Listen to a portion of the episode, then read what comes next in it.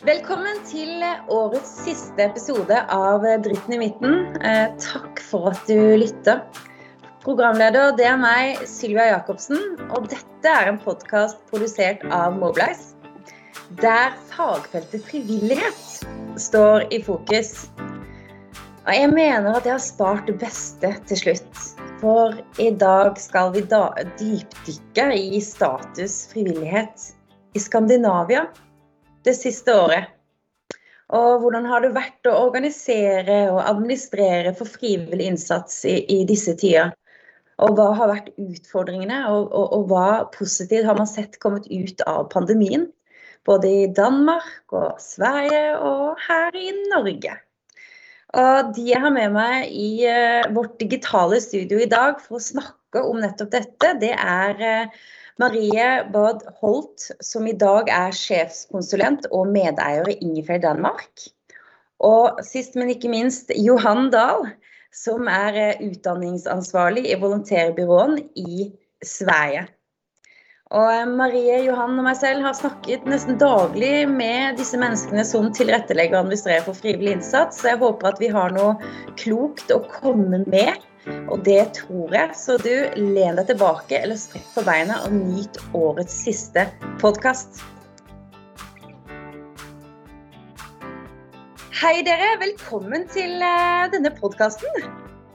Takk. Takk så mye. Johan og eh, Marie, eh, hvordan er forventningene til denne samtalen? Blir det noen språkbarrierer? Måske. så kan det nog vara. Men det ska bli spännande att höra era erfarenheter. Precis. Vi ja. har det stille og roligt. Ja, vi tar det rolig, altså sakte. Jeg tror det her skal gå eh, veldig bra. Status frivillighet i Skandinavia de siste 365 dagene har jeg sett som tema. Og den gode samtalen mellom tre land før vi tar eh, juleferie. Så eh, jeg har jo veldig lyst til nå når vi er samla alle disse tre fantastiske land, eh, om jeg skal si det selv. Jeg er veldig glad i alle, eller både i Danmark og Sverige. Men Marie, du er jo fra Danmark. Kan ikke du fortelle litt kort om hvem du er og hva du jobber med? Ja, jamen jeg er konsulent i noe som heter Ingerferd, som er en, en, et konsulentbyrå som hjælper øh, frivillige organisationer, NGO'er, øh, kommuner, institutioner med at blive endnu bedre til at samarbejde med frivillige. Så, så vi hjælper dem, der har brug for at få flere frivillige, eller finde ud af, hvordan de kan lede dem, hvordan de øh, kan få, få mere ud af samarbejdet med frivillige. Dem hjælper vi. Øh, derudover så skriver vi nogle øh, fagbøger omkring øh, det at samarbejde med frivillige, så hvordan du skal lede dem, eller øh, lave frivillig strategi, eller øh, rekruttere flere, så har vi skrevet nogle fagbøger omkring det. Og, øh, og ja, jeg har været med i Ingerfær i ni år, øh, og før det der boede jeg i England, hvor jeg øh, blandt andet arbejdede for det, der hedder Contact the Elderly, som øh, øh, på svensk hedder Ældre Kontakt, som jeg var med til at starte for, for godt 10 år siden. Øh, så ja, og så har jeg arbejdet sammen med dig, Silvia, for nogle år tilbage. Det har vi. Det var fantastisk samle allerede. Og eh, da fikk vi også lov til å nerde oss litt med noen fagbøker sammen. Så det har vært eh, kjempelærerikt og, og, veldig gøy å samarbeide med deg, Marie. Du er dyktig og kunnskapsrik. Og eh, jeg er helt sikker på at Johan er like dyktig som oss. Deg, Marie. Johan, kan ikke du fortelle litt om hvem du er, og hva du jobber med, og, og, og så videre? Ja, det ska jag göra. Um, Johan Dahlén Strömgren heter jag och jobbar som utbildningsansvarig är min titel på Volontärbyrån. Och Volontärbyrån är en ideell non-profit verksamhet i Sverige som dels driver en hemsida där man kan söka eh, frivilliga, ungefär som frivillig.no i Norge. Och sen har vi också utbildningar kring ideellt engagemang och där liknar min roll tror jag väldigt mycket vad Marie gör tillsammans med föreningar. Alltså hjälper till med hur kan man hitta fler frivilliga som vill hjälpa till i föreningen och hur kan vi ta tillvara, ta till hand om människor i föreningarna så att de trivs och, och vill stanna kvar länge och, mm. ja, jag jobbar dagligen med att hjälpa små och stora föreningar med hur de kan ta sig an frivilligfrågorna. Mm, mm. Og da vil jeg jo tro, eh, Johan, at du har, er jo ute og snakker daglig, eller i hvert fall kanskje neste daglig, med disse menneskene som tilrettelegger og administrerer for frivillig innsats. og Du, du snakker om at du er ute og underviser om hvordan lykkes med foreningsarbeidet, og hvordan holde motivasjonen oppe hos de frivillige. Men eh, hvordan er det nå, da? Hvordan har det gått eh, den siste tiden, eh, Johan, hvis du skal klare å svare på det? Ja, eh, olika skulle jag säga, eh, från förening till förening. Eh, en del föreningar har ju tvingats stoppa mycket av sin verksamhet. Andra har inte kunnat stoppa utan tvingat, eller fått fortsätta precis som innan under pandemin också. Men, men många har ju också gjort på nya sätt, ställt om och, och tvingats bli eh, kreativa och, och, det har ju kommit såklart många nya bra exempel från det också som vi kanske kan komma in på lite senare. Men eh, ja, det, det, har sett olika ut. Um, og, og, dere har jo også skrevet en egen uh, altså Dere har vel skrevet en, en, rapport. Ja.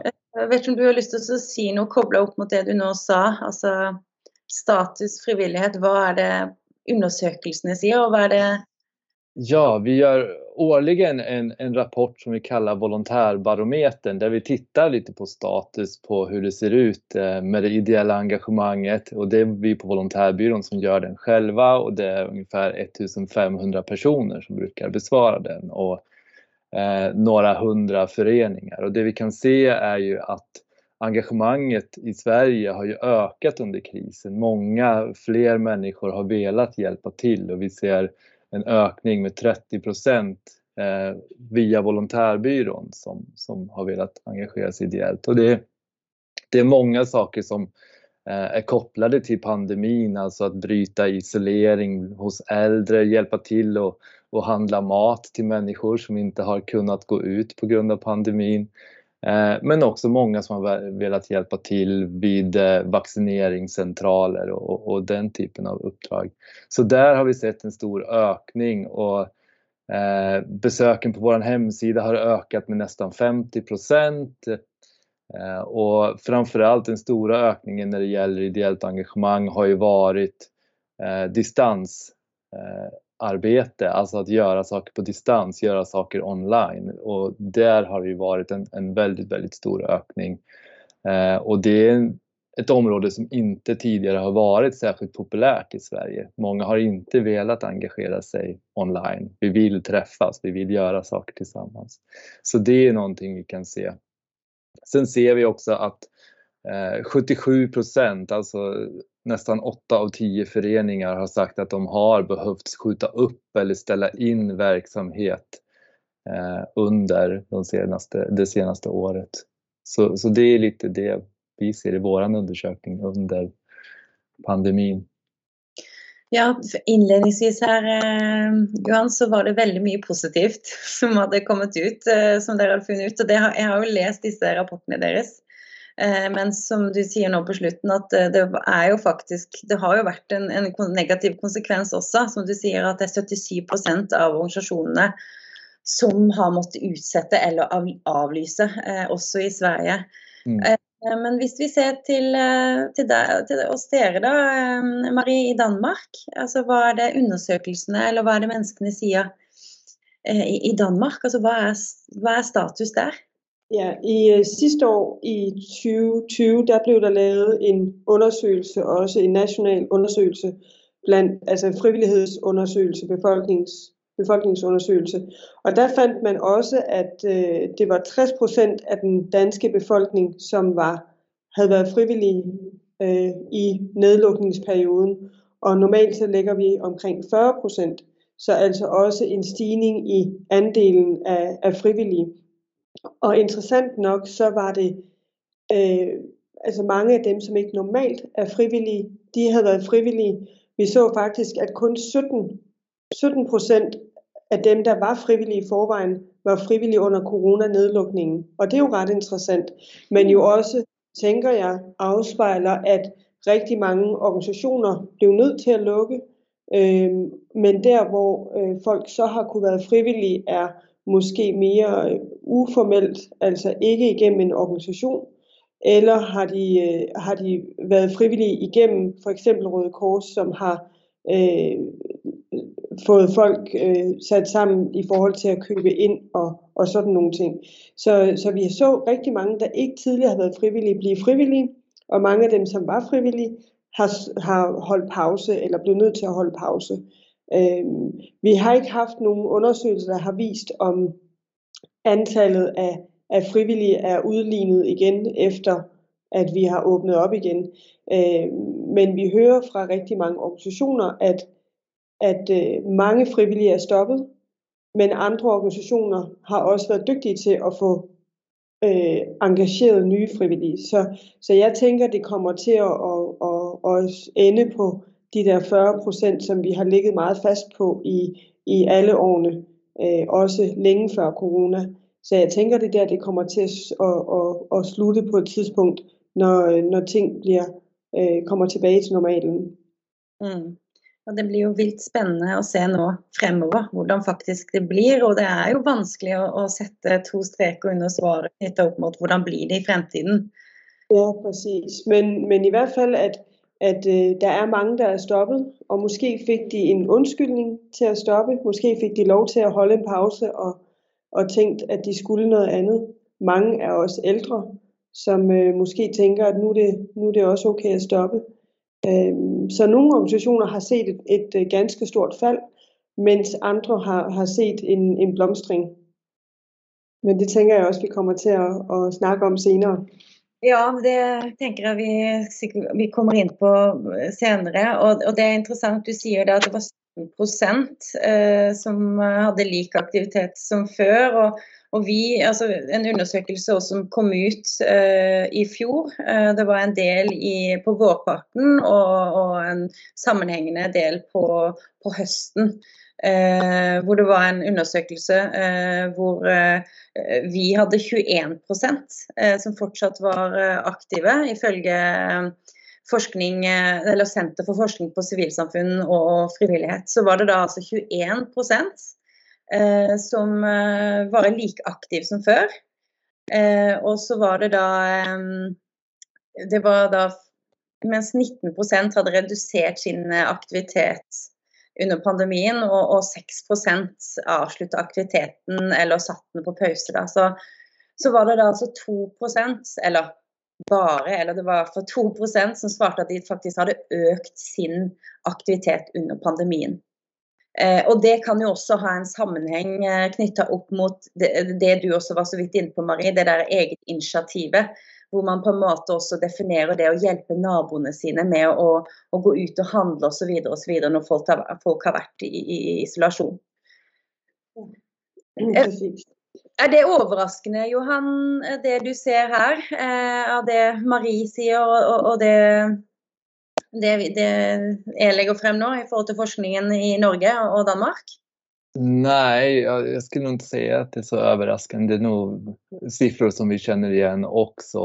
At, ja, men det har sett ulike ut i ulike foreninger, så, så absolutt. Men ja, det vi ser er jo også at eh, stora händelser föder också engagemang, precis som Marie är inne på. Både det, vad ska man säga, det som sker inom föreningar men också det som sker, liksom, det informella, det som sker mellan människor. Så absolut, jag, jag känner igen mig också i Sverige. Mm.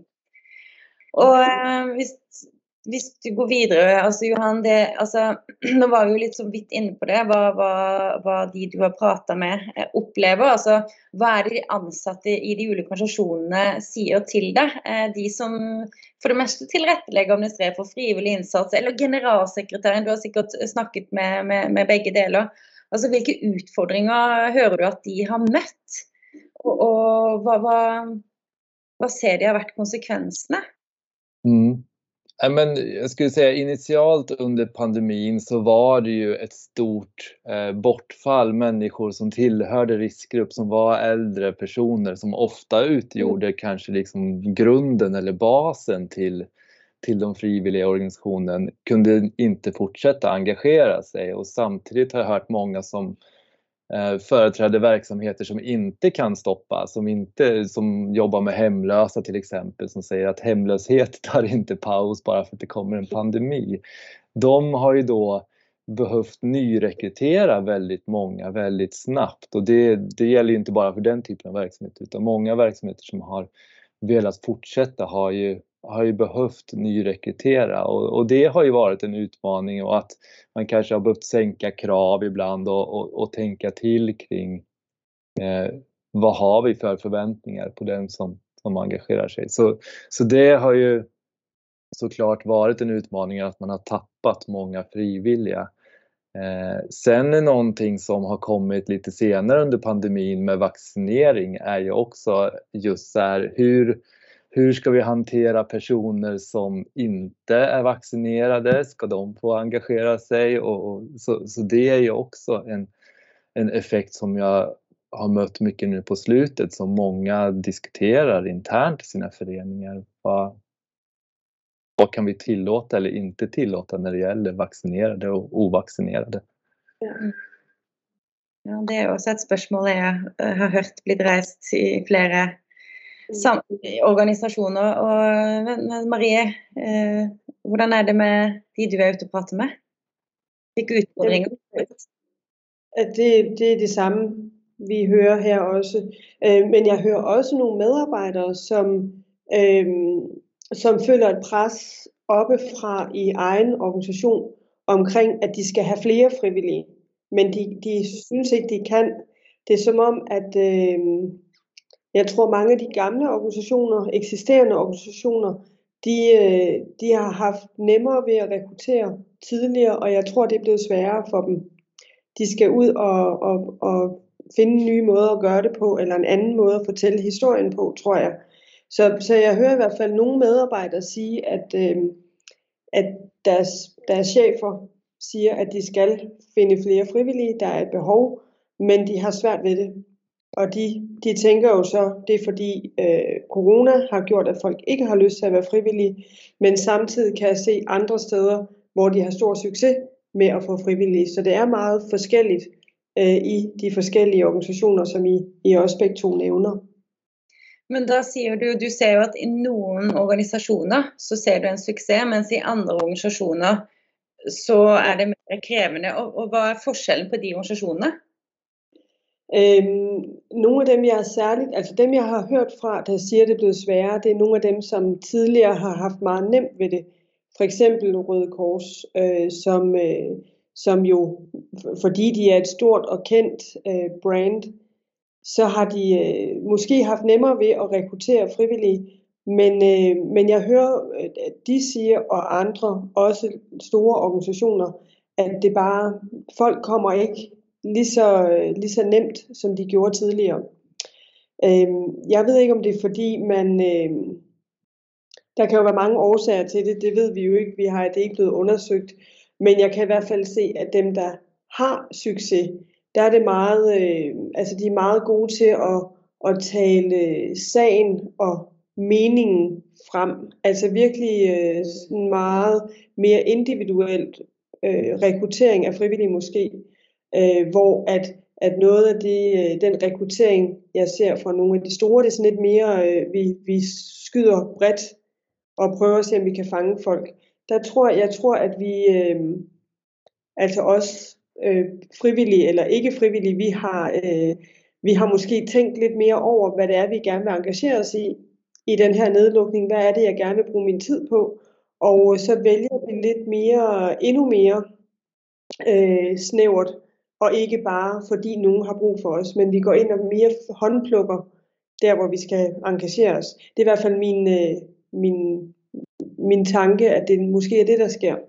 Og det betyder jo, at organisationer skal være endnu dygtigere til at forklare, hvorfor jeg skal engagere mig lige netop hos dem.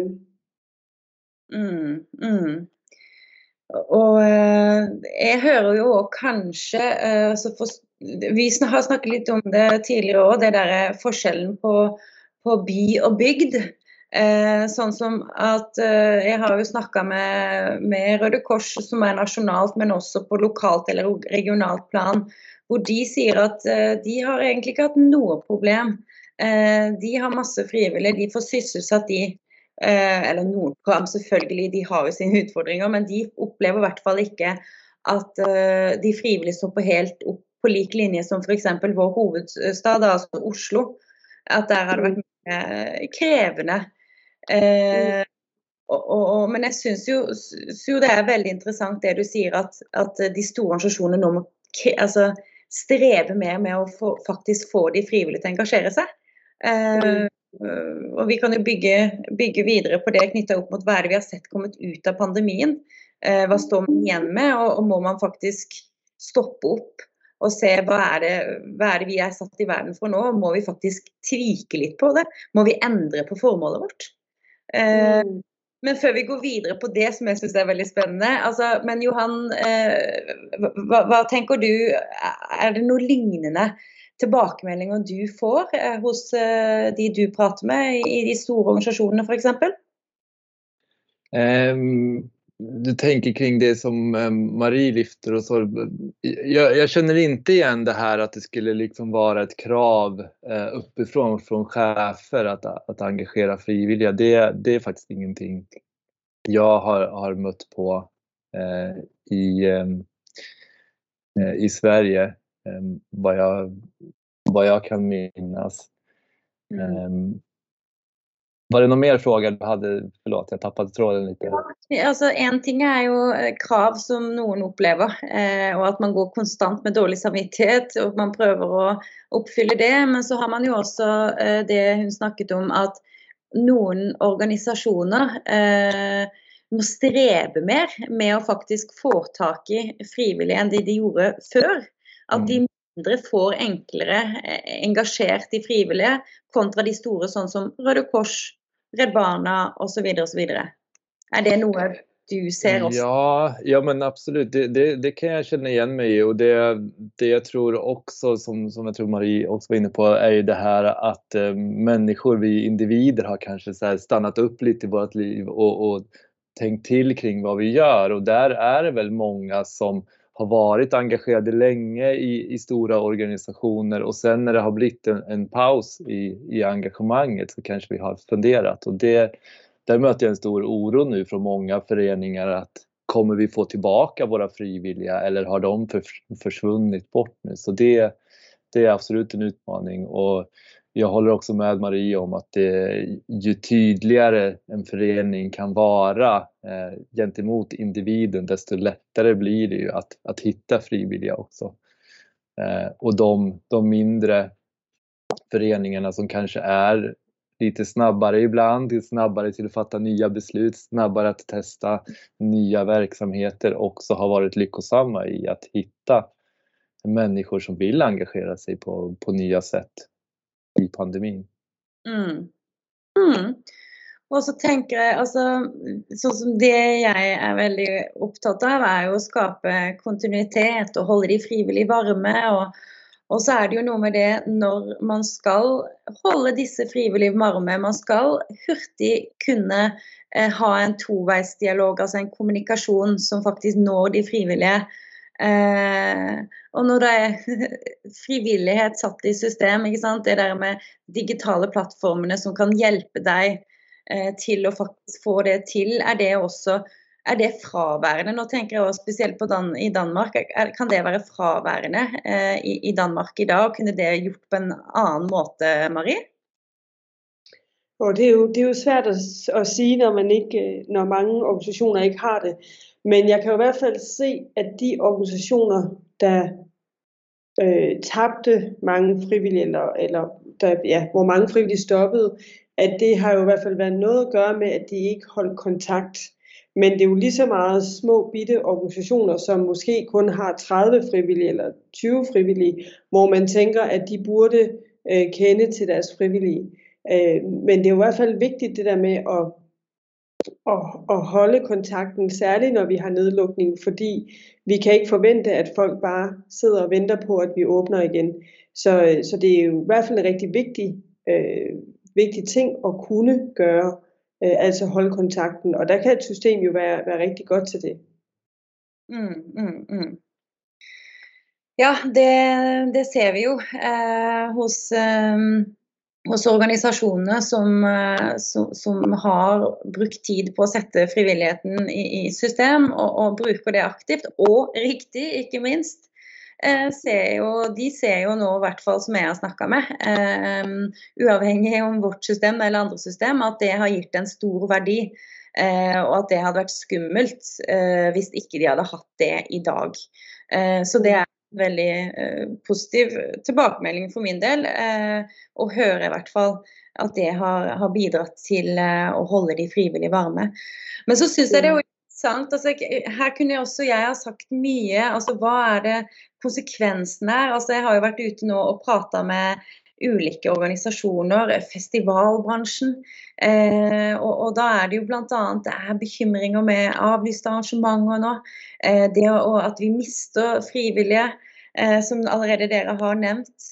Eh, og, og, selvfølgelig så er det òg da ja, eh, bekymringer for at hva man skal gjøre med de frivillige som står i kø. For det er faktisk sånn også at eh, noen av de organisasjonene jeg snakker med, har lange køer på utsiden med frivillige som ønsker å engasjere seg. Eh, og hva gjør vi med disse frivillige? Sier vi ja, sier vi nei? Ikke sant? Det er jo en annen diskusjon. Og jeg pleier jo å si at eh, for all del, eh, si nei, men vi kontakter deg til høsten. Ta og kontakt naboorganisasjonen, for de har behov. Men våg å si nei, ikke akkurat nå, men kan vi få lov å kontakte deg igjen til høsten? Eh, fordi at hvis du ja bare for at du skal ha mest mulig frivillige, for det har sjefene sagt på toppen der, så vil man jo sannsynlig eh, mm. de frivillige. For de har jo ikke noe, noe meningsfullt å gå til. Det er det mm. jeg tenker, Marie. Jeg vet ikke hva du tenker? Altså, nei, jeg, jeg, jeg tenker at man skal, man skal jo øh, man skal jo si ja til frivillige, hvis man har brug for dem, og man skal si nei tak, hvis man ikke har brug for dem. Så det er jo også man skal jo ikke bare tage frivillige ind, fordi de står og banker på døren. Men, øh, men omvendt så skal man jo også, hvis man ikke ved, øh, nu snakker du om festival, øh, sker det, sker det ikke, at det er der jo mange øh, organisationer, ikke kun festivalsorganisationer, som ikke ved, om de skal lukke ned lige om lidt. Men der handler det jo om at kommunikere med de potentielle frivillige, så, så vi skal jo, vi skal jo øh, blive bedre til at kommunikere. Det er i hvert fald ikke øh, noget, vi er altid er super gode til i Danmark, synes jeg, øh, i organisationer, som jeg møder. Også der, hvor jeg selv har været engageret. Så, så vi skal være bedre til. Der er jo ikke nogen af os, øh, heller ikke os tre, der kan forudse, hvad der sker om tre uger, corona eller ej. Men derfor kan vi godt kommunikere om, hvad vores ambitioner er, og, og, og prøve at, og engagere folk alligevel. Så, øh, så jeg synes, at vi skal, vi skal blive bedre til det, og så skal vi øh, også altså, kunne forklare folk, at måske kommer det ikke til at ske, og det tror jeg sådan set godt folk de kan forstå. Jeg tror ikke, at der er nogen, der bliver sure over, at de ikke kan være frivillige. Det, man kan blive ærgerlig over, det er, at der ikke er nogen kommunikation. Så mm. at, at øh, folk ikke har taget imod mig, altså ikke har skrevet til mig eller ringet til mig, når jeg nu har budt mig ind, det tror jeg, folk de bliver irriteret over. Mm. Øh, og i forhold til, at cheferne bliver, altså forventer, at der kommer flere frivillige. Jeg tror, at de organisationer, som jeg tænkte på tidligere, der har det været, at, at de har altid godt kunne finde, finde, finde flere frivillige, og, og har så haft svært ved det, og det er der så en manglende forståelse for internt i organisationen, hvorfor det er sket. Og der skal, der skal man jo, ja, det ved jeg ikke, hvad man skal gøre, men, øh, men i hvert fald prøve at forklare, hvorfor, hvorfor det er, det sker, og måske gøre noget andet, end det man altid har gjort. Mm, mm. Jeg ved ikke, om jeg fikk svaret på dine norske spørsmål. ja. Nei, men det er jo en interessant uh, case, da. Uh, som man ser kanskje er lik i hvert fall i Norge og Danmark. Jeg vet ikke, Johan. Uh, for, forstår du hva vi vi är inne på nu Johan? Du förstår? Ja, ja men absolut. Och, och, och, jag är enig med er också att det, det, är viktigt tror jag att, att vi säger ja till de som behövs i föreningen och säger nej till de som inte behövs just nu. Och, och som du är inne på Sylvia, eh, det finns många närstående organisationer, andra organisationer som kanske har nytta av de här personerna istället. Så att jag tror att vi ska vara generösa mot varandra och samarbeta eh, inom inom våra föreningar och mellan föreningar för att eh, så många som möjligt ska kunna bli eh, brukade, behövda av där de behövs. För det tror jag har varit en utmaning också nu under pandemin att det har saknats uppgifter och det har varit eh, svårt för att det, det som är viktigt för den som engagerar sig är ju att det behöver finnas någon mening med varför jag engagerar mig. Jag måste ha liksom en uppgift. Har jag inte det så kommer jag snart fatta att okej, men de behöver inte mig. De, jag behövs kanske bättre någon annanstans. Så det tror jag är eh, jätteviktigt att vi att vi vågar säga nej också och, og hänvisa til andre föreningar. Mm. Ja, jeg er 100% enig der. Og, og da nå toucha du litt borti det, og, og vi snakka om det der med, ja, det med formål, og, og viktig å, å, stoppe opp litt og reflektere hvor er det vi vil hen, hva er det vi er satt i verden for nå? Og i hvert fall det jeg har sett, da. Eh, når jeg har vært ute og prata med organisasjoner, lag og foreningen, trenden her er jo det som i hvert fall for meg står igjen, eh, er to ord. Eh, to ting. Og det er ensomhet og miljø, altså bærekraft. Som på en måte står igjen som to tydelige bærebjelker. Jeg vet ikke Kjenner dere dere igjen der i Danmark og Sverige? Jeg vet ikke hvem vil ta ordet? Ja, nej men det, det, det, sociala är ju väldigt, väldigt viktigt i, i engagemanget. Det, och, och, och, har också varit såklart en utmaning nu när det har blivit digitalt och där, eh, där har vi också behövt tror jag, tänka till som föreningar. Hur skapar vi ett, ett socialt sammanhang för, för de som ska engagera sig ideellt? Och, och ja, många engagerar sig för att vara mindre ensamma. Så det, det tror jeg har vært eh, svårt for mange. Mm. Mm. Marie? Jamen, ja, jeg er enig med Johan. Altså, det, det er en, en vigtigt fokus også at holde, altså holde kontakten og, og have fokus på det fællesskab, som kan være, men også acceptere, at der er nogen, som ikke vil det sociale, altså der er nogen, der ikke har behov for det sociale fællesskab, og finde ud af, hvordan er det, vi øh, husker dem, og de ikke føler sig udenfor, blot fordi de ikke har lyst til at komme til, til noget socialt. Så det er jo en fin balance, man skal prøve at finde sig. Øh, og det, det har man skulle hele tiden, men det er blevet mere synligt nu, synes jeg. Altså mm. man skal virkelig, øh, man skal arbejde for, at de frivillige har lyst til at fortsætte deres engagement. Man kan ikke bare, at de bliver eller kommer. Hvordan ser det ud i Norge? Nu har vi jo snakket ganske meget om både Danmark og Sverige. Du, um, det, det, ser, altså, det der som jeg sier, at jeg sitter igjen med det med ensomhet. og Det har blitt veldig tydelig nå eh, etter vi har vært i lockdown. Og så har, det blitt, har, man blitt veldig opptatt av miljø. ikke sant? Det var jo denne rapporten eh, som ble lansert i slutten av sommeren. Eh, hvor det ble veldig, veldig synlig. Og, og, og klimamøtet i Glasgow Nei, jo, i Glasgow. Ja. Jo. ja. og, og, det måte på alles lepper, og er veldig, man er veldig opptatt av det. Og, og det jeg da liker å, å, reflektere litt over, da, og jeg vet ikke hvordan det er i Danmark og Sverige, men, men at, at, vi da igjen, som vi snakker om, stopper opp og ser på har, eh, har frivilligheten endra seg. Eh, er det sånn at formålet som vi har hatt til nå, burde endres? Fordi at hvis vi ønsker å få inn flere frivillige i, i fremtiden, må vi tenke mer eh, hvor det kan tilpasses de introverte. altså Det å på en måte dekke det behovet i forhold til eh, utenforskap og ensomhet. Men også den eh, aksjonsfrivillige, eller man kaller det kanskje adhoc-frivillige, som vi har på en måte snakka om egentlig en lang tid, men som har blitt veldig synlig nå. At hvis man også tenker mer grønt, er det da mulighet for min organisasjon at denne frivillige eh, velger meg fremfor den organisasjonen som egentlig er ganske lik. Eh, ikke sant? Det der å skille seg ut, da, hvis vi nå går på det analytiske og strategiske og tenker fremover. fordi sånn er det jo, jeg vet ikke. Alle spør meg jo hvordan kan vi få flere frivillige? Og da er vel det en sånn konkret ting man kanskje kan se på. Jeg vet ikke, Hva slags refleksjoner har dere rundt det? Er det viktig å tenke på? Johan Marie, vær så god.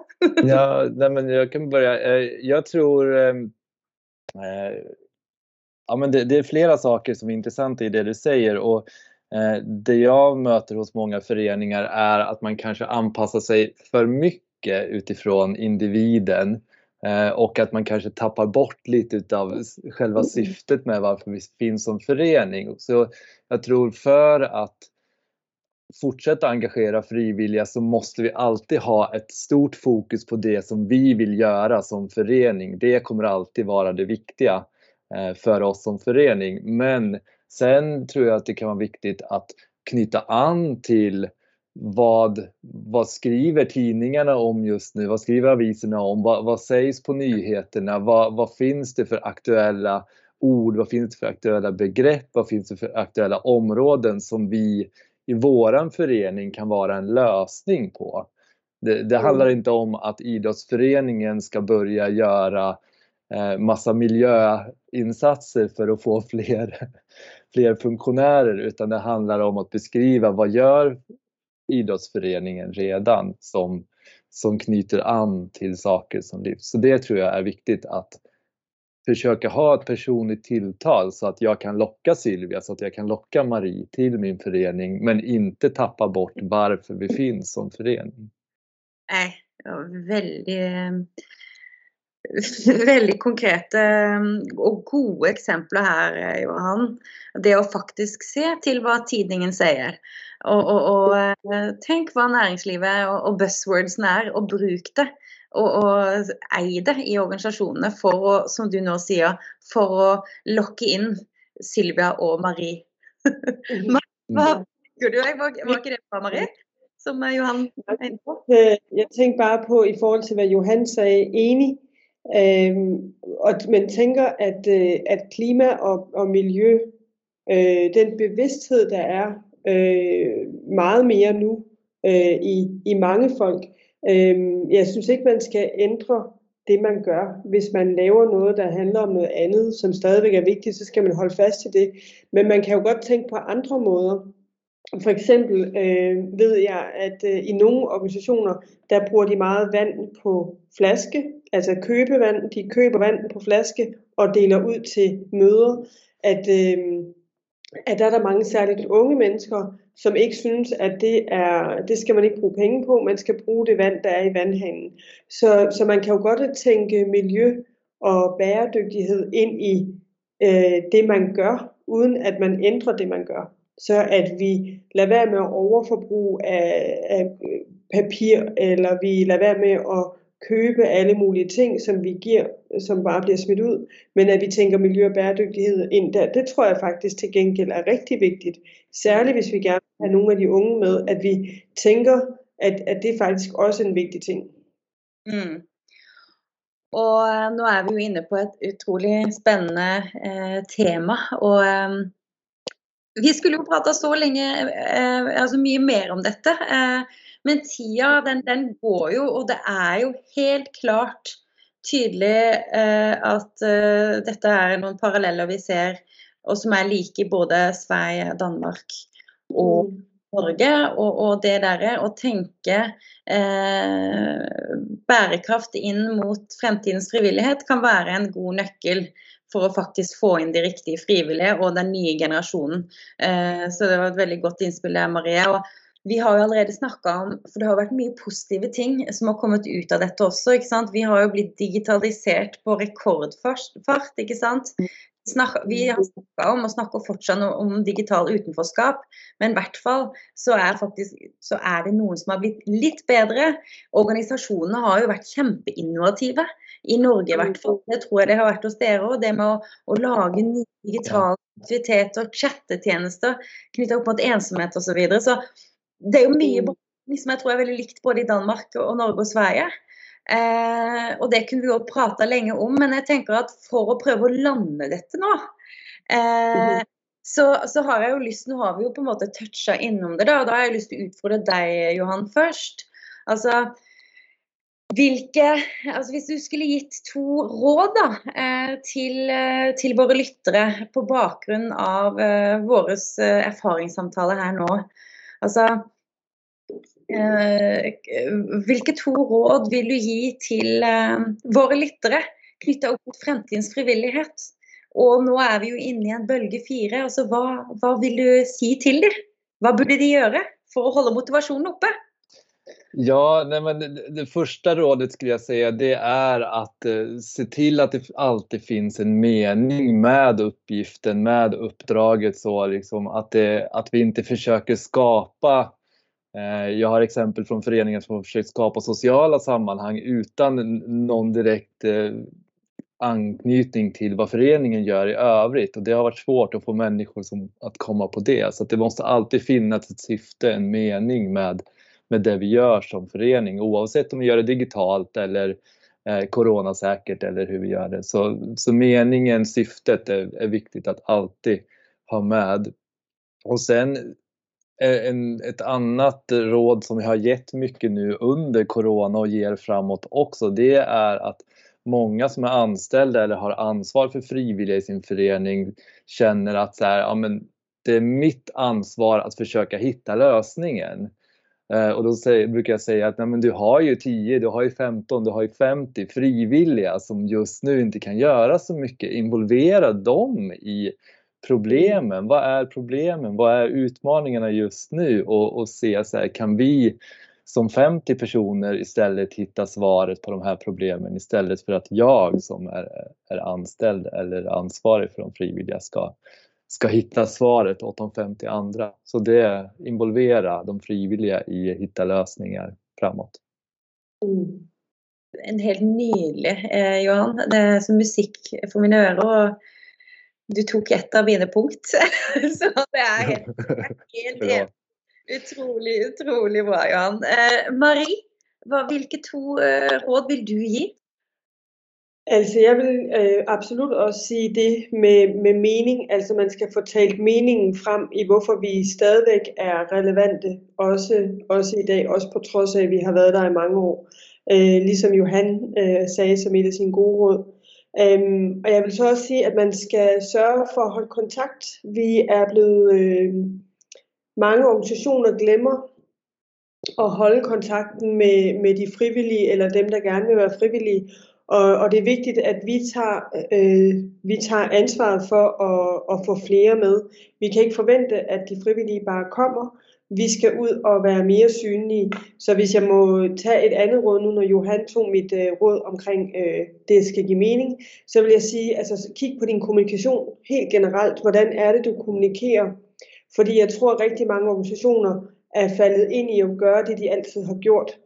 Øh, og det kan vi ikke nødvendigvis blive ved med at gøre. Der er sket noget under coronanedlukningen, at folk har fået øh, andre interesser og gerne vil noget andet. Så vi bliver nødt til at gå tilbage til at kigge på, hvordan er det, vi kommunikerer, hvem kommunikerer vi med, og hvor er de henne, så vi kan ramme dem bedre med noget, der er relevant for dem. Fordi folk vil gerne stadigvæk være frivillige. Ja, perfekt. Eh, helt enig. Eh, se på kommunikasjonen din. Den tror jeg er eh, kjempeviktig. Og for å supplere inn på det siste punktet, igjen helt enig. Altså overkommuniser. Gjør de frivillige trygge. Vær transparent om hva som skjer. Og vet du hva? Ikke, ikke sett deg bakpå. Jeg skjønner at det er på en måte kjipt, men fortsett å planlegge som aktiviteten og festivalen skal faktisk gjennomføre. Og, og, så hadde jeg da skrevet 'å involvere de frivillige', for her er det mange ressurser, som eh, Johan sier, eh, som kan være med å planlegge, som ønsker å være med å engasjere seg. Så, så gjør virkelig det. Har jeg lyst til å bare eh, foreslå Her hadde jeg så mange punkter, så jeg skal bare korte ned. Men jeg har lyst til å eh, si da helt på slutten, som virkelig er viktig, og som Johan nevnte her, det der med Eh, og som kanskje jeg var inne på, altså det der med samarbeid. Og det skal sies mm. at eh, når du, du hører på, på store PR-byråer og i næringslivet og buzzwordet i verden nå, er at fremtiden, altså 2022, så blir samarbeid bare mer og mer viktig. Og som Johan mm.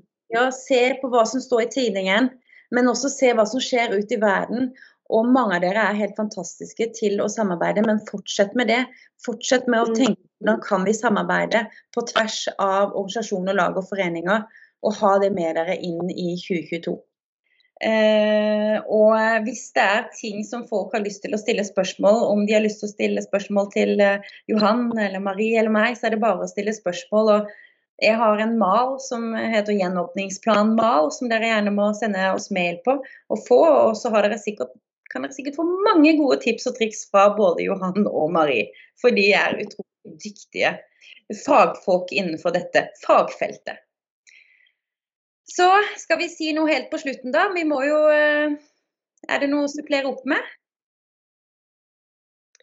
Nej, jeg synes, det er spændende, og altså, det er jo, man kan sige både øh, nok ikke, ikke underligt, at det er meget ens i de tre lande, men man kunne jo håbe, at der var nogen, der havde fundet guldkornene et sted.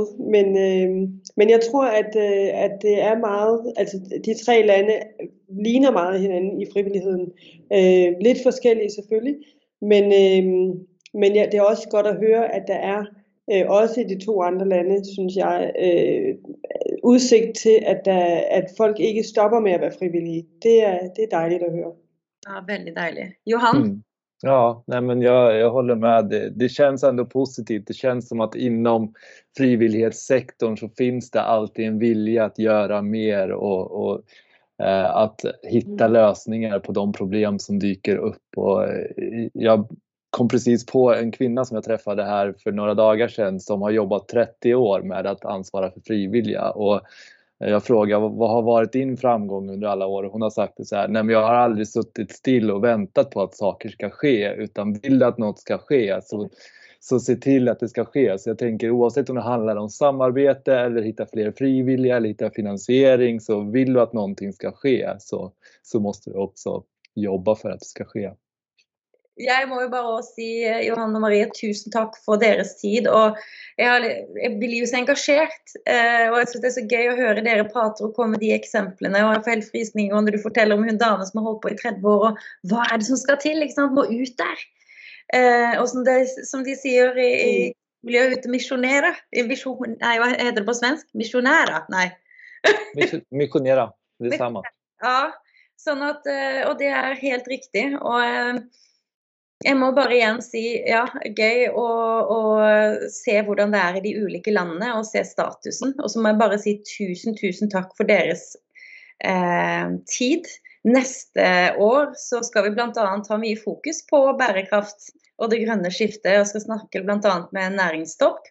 Og så får vi også besøk av eh, kulturministeren, som eh, skal snakke litt om eh, status frivillighet, i hvert fall kulturbransjen, men også hele frivilligheten. Og så kan jeg jo avslutte å si at um, jeg gleder meg i hvert fall til Frivillighetens år. Og Johan og Marie, vi har jo et helt år uh, fullt av uh, program knytta opp mot Frivillighetens år neste år. Så det blir veldig, veldig bra, hvor vi har fokus på frivillige og det arbeidet de gjør, sånn at flere også ønsker å være med og engasjere seg. Så det blir spennende. Fantastisk. Mm. Mm. Så uh, da må vi jo bare si god jul, dere. I lige måde. Glædelig jul. Det samme. God jul. Og godt nyttår. Ja. ja. Men nyt ferien, og så sier jeg tusen takk. Tusen takk for at du lytter på podkasten vår Dritten i midten. Har du innspill eller kommentarer, er du hjertelig velkommen til å sende oss en mail. Dritten i midten er en podkast fra Moblize som sammen med sine kunder jobber for å lage den gode frivillighetsreisen både gjennom kompetanse og system. Vil du komme i kontakt med oss, send en mail på hei at mobilize.no.